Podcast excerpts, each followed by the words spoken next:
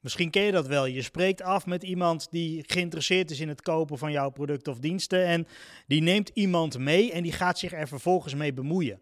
Dat je denkt, nou, ik heb eigenlijk al 80% goed mijn voorwerk uh, aangeleverd. Ik heb al heel veel informatie met die persoon uitgewisseld. Het is eigenlijk een done deal. Hè? Ik denk, nou, dit wordt uh, kat in het bakkie. Het is alleen even puntjes op de i. En dan komt er iemand mee die zich ermee gaat bemoeien. Of je gaat naar die partij toe en er zitten in één keer meerdere mensen aan tafel die zich er ook mee gaan bemoeien. Of je wordt in één keer gebeld door een andere persoon die zegt: Ja, ik hoorde dat je met uh, die en die over dit product aan het praten was. Ik denk, ik bel ook eventjes omdat ik nog wat vragen heb. En eigenlijk irriteer je daar dan, ja, tenminste als ik voor mezelf spreek, echt kapot aan. Dat ik denk, ik heb al het voorwerk gedaan met die persoon. Ik heb alle ins en outs verteld. Ik heb gedeeld hoe het zit. Ik heb laten zien hoe het werkt. Ik heb een demo gegeven. En nu komt er weer iemand, komt zich ermee bemoeien. En die wil vervolgens eigenlijk instappen vanaf het eerste moment. Maar ja, die heeft nul kennis natuurlijk. Dus die moet ik eigenlijk weer helemaal gaan bijpraten. En dan denk je natuurlijk, waarom heb ik dat niet eerder gecheckt? Nou, dat is ook een van de redenen dat ik vaak aangeef: check of iemand eindverantwoordelijk is. En eventjes los van de hele dealmaking. Als iemand eindverantwoordelijk is, weet je in ieder geval dat die persoon de keuze gaat maken. Op het moment dat je bijvoorbeeld te maken hebt met een stageloper, met alle respect natuurlijk, ja, die persoon mag waarschijnlijk geen keuzes maken. Die mag geen knopen doorhakken of contracten ondertekenen. Dus daarom is het belangrijk om dat in het begin te checken. Maar natuurlijk kan het dan nog steeds gebeuren dat je denkt dat je goed zit, of dat een eindbeslist bevoegd persoon wel met jou contact heeft, maar dat hij alsnog zegt: er komt iemand met me mee. En dat kan van alles zijn. Hè? Dat kan een partner zijn, dat kan een, een kind zijn, dat kan een vriend zijn, dat kan een collega zijn. Iemand kan altijd iemand meenemen. En wat er dan gebeurt is, vaak gaat die persoon zich ermee bemoeien, waardoor jij eigenlijk een beetje van je stuk raakt. Dat je denkt, ja, ik heb het zo goed voorbereid en nu komt iemand eigenlijk binnen, die gaat zich bemoeien met mijn verkoopproces. En ik noem dat derden tijdens de aankoop. En ik heb dit verwerkt in een gids. En die gids die heet Meer Deals. En die gids kun je zelf ook ja, bestellen. Dan ga je eventjes naar uh, 360box.nl en op die website vind je deze gids en nog vijf andere gidsen. En als je die daar bestelt, dan stuur ik die naar je op en dan heb je die altijd uh, bij de hand om even makkelijk door te bladeren. Maar als we eventjes gaan kijken naar check nummer 8, dat is hier, check nummer 8, dat zijn derden. En derden zijn de mensen die zich bemoeien tijdens de aankoop. In de breedste zin, zoals ik je net heb uitgelegd. En die mensen, hoe stom het ook klinkt, die moet je niet uitsluiten. Die moet je niet buitensluiten, die moet je niet negeren. Die moet je eigenlijk alle aandacht geven die ze zoeken. En waarom wil je dat? Dat wil je omdat die persoon een vertrouwenspersoon is van degene waar jij het eerste contact mee had. Dus ergens voel je een beetje geïrriteerd en denk je van nou, als ik misschien een beide handen opmerking maak, zet ik die persoon even buiten spel. Of misschien als ik eventjes wat steekjes onder water geef van joh, ja, maar jij was er toen ook niet bij. Hè, zo van, wat kom je nou bemoeien hier met het verkoopverhaal, dat die persoon dan afdruipt. Nou, ik kan je één ding vertellen, gaat niet gebeuren. Die persoon zal niet afdruipen. Eén, die persoon zal hooguit kunnen zeggen, nou, ik bemoei me er niet meer mee. Maar twee, dan heb je eigenlijk een probleem gecreëerd. Die persoon, als die zich niet meer bemoeit met het gesprek, bemoeit hij zich op een later moment nog wel met die persoon waar jij contact mee heeft. Waar jij contact mee hebt. Dus wat ik daarmee wil zeggen is, stel, je geeft die persoon een naar gevoel die meekomt, hè, die derde persoon, en ze zitten terug in de auto en vervolgens gaan ze het eventjes hebben over het gesprek of over wat er allemaal heeft plaatsgevonden. En op dat moment heeft die ander iets van, ja, ja, oh ja. Ja, dus je had eigenlijk niet zo'n prettige ervaring. Of oh, hij deed een beetje naar tegen jou. Of jij hebt je twijfels over dit product. Hè, misschien dat die persoon niet eens zegt van, nou, ik vond dat die verkoper een beetje naar deed. Misschien dat die persoon wel zegt, ja, ik weet niet. Was wel een leuk aanbod, maar ik ken nog iemand die heeft uh, ook een beetje een soortgelijk aanbod. Ik denk dat je daar eens langs moet, want die... Uh, Volgens mij snapt hij het veel beter. Of uh, er zit een nieuw bedrijf en uh, misschien moeten we daar nog even een aanvraag doen. Snap je? Die derde persoon moet je koesteren. Die derde persoon is eigenlijk degene die voor jou twijfel kan weghalen. Maar dat kan alleen als jij je verhaal, je verhaal goed op orde hebt. Als jij zorgt dat die derde persoon gewaardeerd wordt. Dus dat is een extra bakje koffie, dat is een koekje erbij, dat is een complimentje maken over, goh, wat heb je een leuke shirt aan of wat heb je een mooie schoenen. Dat is ook een beetje pamperen. Dat is ook een beetje ja, vertroetelen. Snap je? Dus die derde persoon, en of dat nou een kind is, een collega is of dat er een partner is, dat maakt allemaal niet uit. Je moet die persoon volledig erkennen en volledig mee laten doen in het gesprek. Ook al vind je het niet leuk. Ook al denk je, ja, waarom was je niet vanaf dag 1 hier?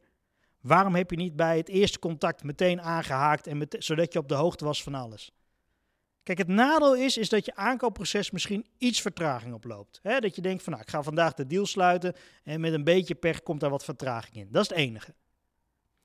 Maar als je die persoon niet gaat erkennen, kan het maar zo zijn dat je die hele deal verspilt. Dus wat je wilt is die persoon erkennen. En dat kan bijvoorbeeld heel simpel door gewoon complimentjes te geven. Door die persoon opnieuw tekst en uitleg te geven wat je al hebt gegeven aan die andere persoon, aan jouw oorspronkelijke contact. En doe dat dan zonder steken onder water. Doe dat dan zonder, ja, nou ja, jij was er toen niet bij. Doe het even zonder. Oh, dat is wel. Doe het dan anders. Doe bijvoorbeeld. Dat was wel jammer, want dat was wel leuk. We hadden toen een demo van de leverancier. Ja, ik zal eens kijken wanneer het weer is. Want het zou wel heel gaaf zijn als je er ook een keer bij kan zijn. Zie je? Dat is al heel anders dan. Ja, wat een demo van de leverancier. Ja, daar was jij natuurlijk niet aanwezig. Maar uh, dat is een steek. Snap je? Dat is een beetje gemeen. Dat is een beetje vals. Dus je wilt het netjes doen, je wilt het vriendelijk doen. En die mensen gaan uiteindelijk, als ze met jou een goed gevoel hebben, jou helpen. Die gaan jou bevestigen, die gaan jou ondersteunen. Die gaan zorgen dat die persoon, mocht die, uit, hè, die, die eindverantwoordelijke uiteindelijk zeggen, nou we gaan dit doen. Of denken, ik twijfel. Dan is die derde persoon degene die daarbij gaat helpen. Die gaat dan bijvoorbeeld zeggen, hoezo twijfel je? Ze hebben toch dit en dit en dit laten zien. Ze hebben toch dat en dat en dat verteld. Je bent er toen op die demodag geweest. Je hebt, waar twijfel je nog aan? Die persoon kan jou gaan helpen. Mits jij natuurlijk goed werk levert. Mits jij natuurlijk goede producten en diensten levert. Want vier oortjes horen meer dan twee oortjes. Snap je? Dus als die persoon iemand meeneemt die die vertrouwt, dan gaat die persoon daar waarschijnlijk tegen zeggen: hey, ik hoorde dit. Heb je dat niet gehoord? Ik hoorde dat. Oh, ik heb dit wel gehoord. Oh, dat heb ik weer niet gehoord. Die gaan elkaar aanvullen. Dus dat heeft het voordeel. Dat heeft het voordeel voor jou dat je dus waarschijnlijk geholpen wordt als die persoon gaat twijfelen. Mits jouw product klopt, hè? mits jouw dienstverlening klopt, mits jij een goed bedrijf hebt. Als je natuurlijk rommel verkoopt, moet je er niet van uitgaan dat als je die derde persoon helpt, dat je rommel in één keer wel verkocht krijgt. Zo werkt het natuurlijk niet. Maar die persoon, door die te erkennen, door die alle informatie te geven, door te zorgen dat die persoon zich ook op zijn gemak voelt, zal je zien dat dat beloond wordt. Ook al irriteer je je in het begin, ook al denk je, ik zat hier helemaal niet op te wachten, ook al denk je, moet ik weer mijn verhaal gaan houden. Dat is jammer, maar niet anders. Het belangrijkste is, is dat je doorhebt dat die derde persoon belangrijk is in het aankoopproces.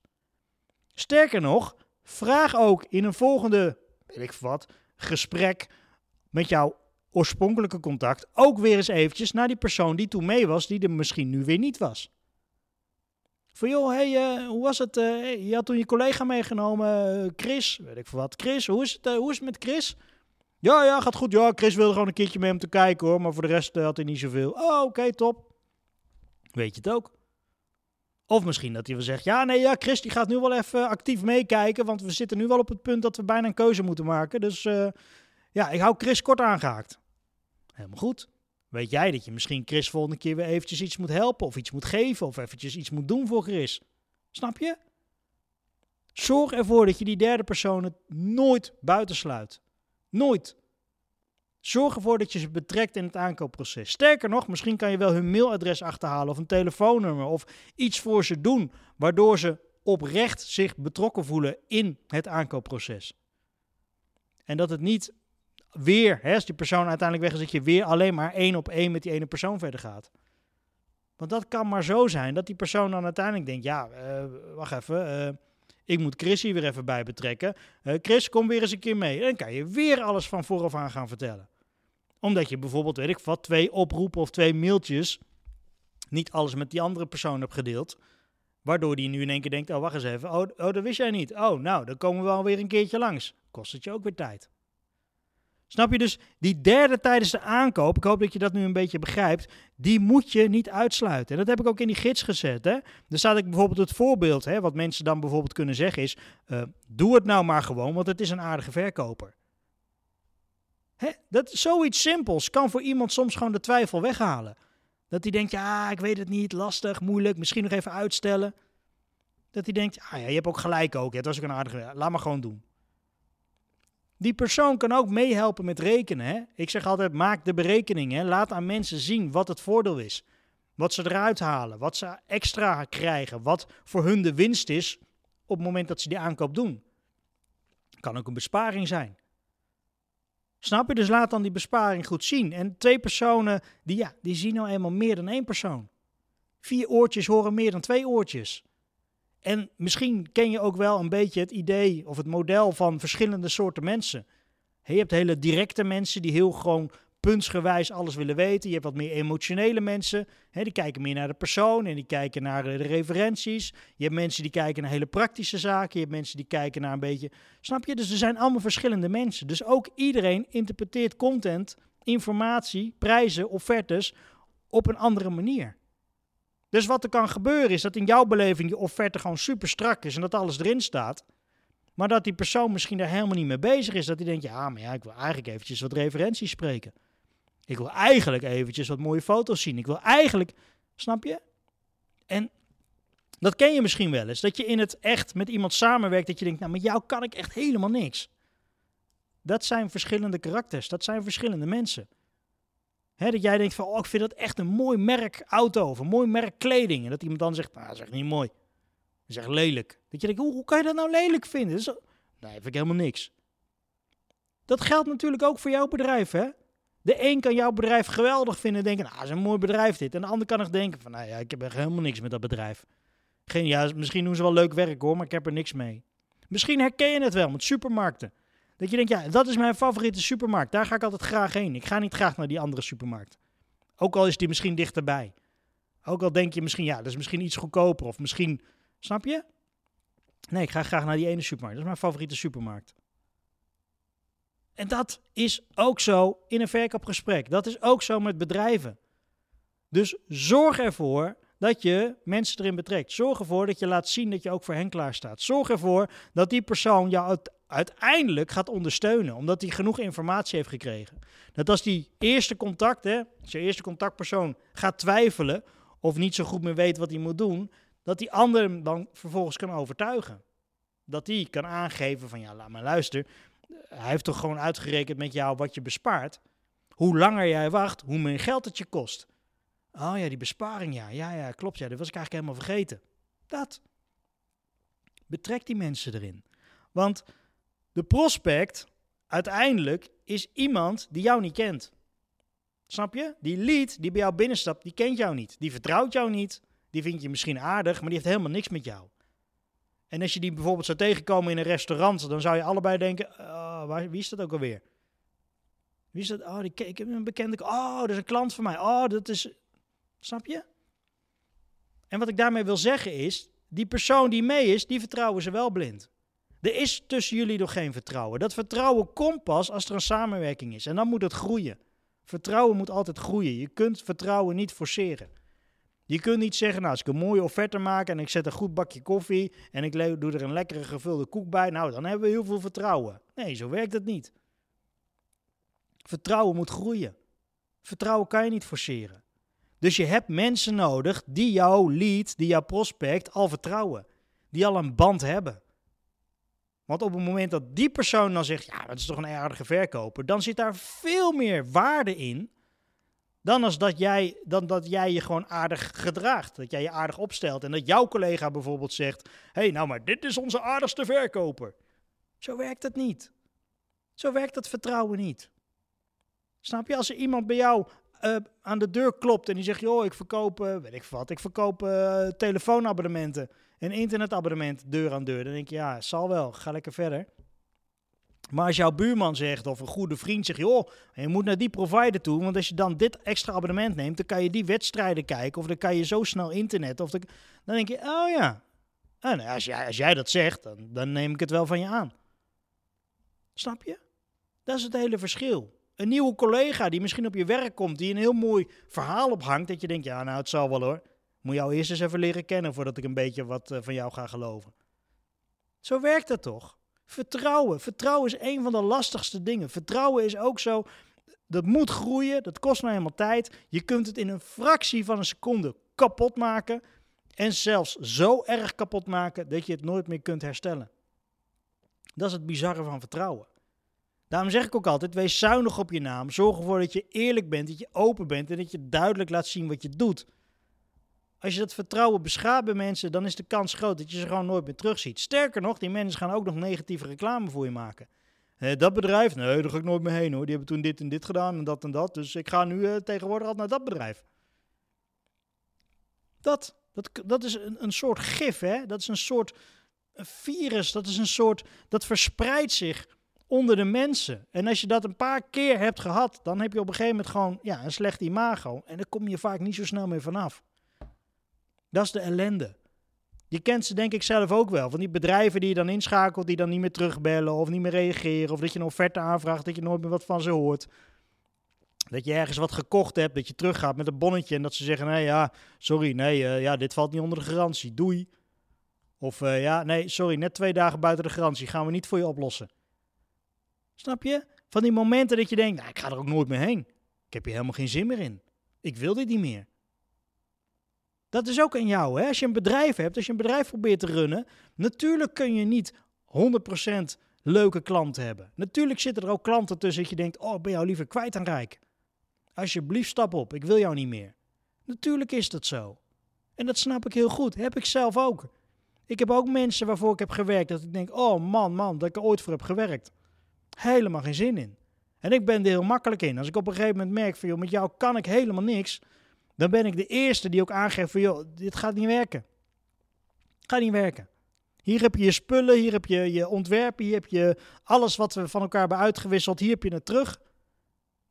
En uh, zoek iemand anders. Mij niet meer bellen. Want je hebt ze ertussen zitten, hè? Maar je wil wel in de positie komen dat je genoeg klanten hebt, zodat je kunt zeggen: Ik hoef jou niet meer. Dat is het toch? Je moet genoeg deals kunnen sluiten op een eerlijke manier. Daarom zeg ik ook altijd: korting is geen oplossing. Want daarmee lever je eigenlijk in op je eigen, ja, klant, op je eigen omzet, op je eigen ja, marge waarmee je service kunt bieden. En die mensen die altijd maar korting vragen, dat zijn vaak ook de grootste ja, hoofdpijnklanten, om het even zo te zeggen. Dus zorg ervoor dat je dat verkoopproces op orde hebt. En zorg ervoor dat de mensen die dus toevallig ook een keertje meekomen, dat je die ook helpt. Dat je die ook laat zien van, hé, hey, jij bent ook welkom, ik help jou ook. En vraag die mensen ook dingen. Hè? Betrek ze ook oprecht in het gesprek van, goh, hey, uh, laten we even die Chris gebruiken. Goh Chris, uh, hoe zie jij dit product in jullie bedrijf? Of hey Chris, uh, als jullie dit kopen, ja, hoe graag zou jij, of hoe snel zou jij het in gebruik willen nemen? Of per wanneer denk jij dat dit het beste moment is om dit te gaan installeren? Snap je? Ik weet niet wat je verkoopt. Snap je? Ik weet niet of je een, een dienstverlening biedt of producten biedt of wat dan ook. Maar je kunt wel de meest logische vragen toch bedenken. Snap je? Vanaf wanneer zou je willen samenwerken? Of wanneer wil je dat we leveren? Of uh, wat zou een mooi moment zijn dat we dit kunnen gaan installeren? Logische vragen. En ook al Zegt jouw eerste contactpersoon dan, ja, daar gaat Chris helemaal niet over. Oh, oh ja, nee, eh, dit was puur uit interesse. Ik begrijp dat Chris daar niet over gaat, maar ik wilde gewoon even weten, misschien dat hij wel uh, hè, misschien goede ideeën heeft of dat hij nog iets ja, kan noemen wat we misschien over het hoofd zien. Snap je? Zo geef je die persoon ook een beetje credits. Zo geef je ook gewoon aan van, nou luister, jij neemt hem mee. Hoezo mag ik niet met hem praten? Snap je? Iemand meegaat, herken die persoon, neem die mee in het gesprek. Je kent het misschien zelf ook wel, hè? Dat je ergens op een verjaardag staat en dat er iemand voorbij komt die dan iemand anders kent. Vervolgens gaan die met elkaar ouwe hoeren, gaan die met elkaar praten. En dan sta jij er een beetje bij als een lulletje rozenwater. Dat je denkt, ja, en ik dan? Uh, hallo, koekoek. Jij neemt me mee naar deze verjaardag of jij neemt me mee naar dit feestje. En snap je? Wat ik altijd doe, maar dat zal wel aan mij liggen, ik stel iemand altijd voor. Maakt me niet uit hoe kort of hoe lang ik iemand zie. Als ik door het centrum loop en ik loop met iemand en ik kom iemand tegen. hey, hey, hoe is het? hey, goed. hey, hoe gaat het trouwens met dit? dit? Oh, trouwens, dit is die. Dit, die, die. Oh ja, hey, hey. Die, die. Dat. Korte introductie. Mensen aan elkaar voorstellen. Het is zo simpel. Het is zo simpel. Maar je moet het wel doen. Dus ook tijdens die gesprekken die je hebt met mensen, of dat nou per mail is, aan de telefoon is, of dat je naar het bedrijf toe gaat, of dat die mensen bij jou komen, of misschien verkoop je wel een particuliere, dat je bij die mensen thuis zit en dat de handige buurman ook even langskomt. Prima, betrek ze er nou in. Betrek ze erin, neem ze erin mee. Zorg ook dat hun vragen worden beantwoord. Stel ook goede vragen, hè, waardoor jij weet, oké, in het aankoopproces kan ik daarmee verder. En dan, geloof mij, dan gaat het werken. Dan ga je makkelijker die deal sluiten. En als je je gaat verzetten tegen dingen, als je denkt van ah, ik wil dat nooit meer, ik heb daar geen zin in, dan zal je altijd zien dat je er meer van krijgt. Dus je kan maar beter leren ermee omgaan. En dan wordt het makkelijker en leuker, want dan word je er ook beter in. Dan dat je denkt, ja, weet je, ik heb hier helemaal geen zin in. Ik ga hem een beetje verzetten en ik ga eh, een beetje bij de hand doen. En uh, dan ga ik me irriteren aan al die gesprekken die ik heb met mensen waar ik eigenlijk niet mee wil spreken. Snap je? Bedankt weer voor het kijken, dan wel het luisteren naar deze aflevering. Uh, check nummer 8, derde tijdens de aankoop. Mocht je nou deze gids willen hebben, ga eventjes naar 360box.nl. Mocht je nou vragen hebben of mocht je nou onderwerpen hebben waarvan je zegt, Timo, hey, ik loop erin of ik loop daar tegenaan in mijn verkoopproces, stuur me dan een berichtje. Reageer eventjes uh, onder de aflevering. Stuur me een berichtje via social en dan ga ik je daarmee verder helpen. Nogmaals bedankt en graag tot in de volgende aflevering.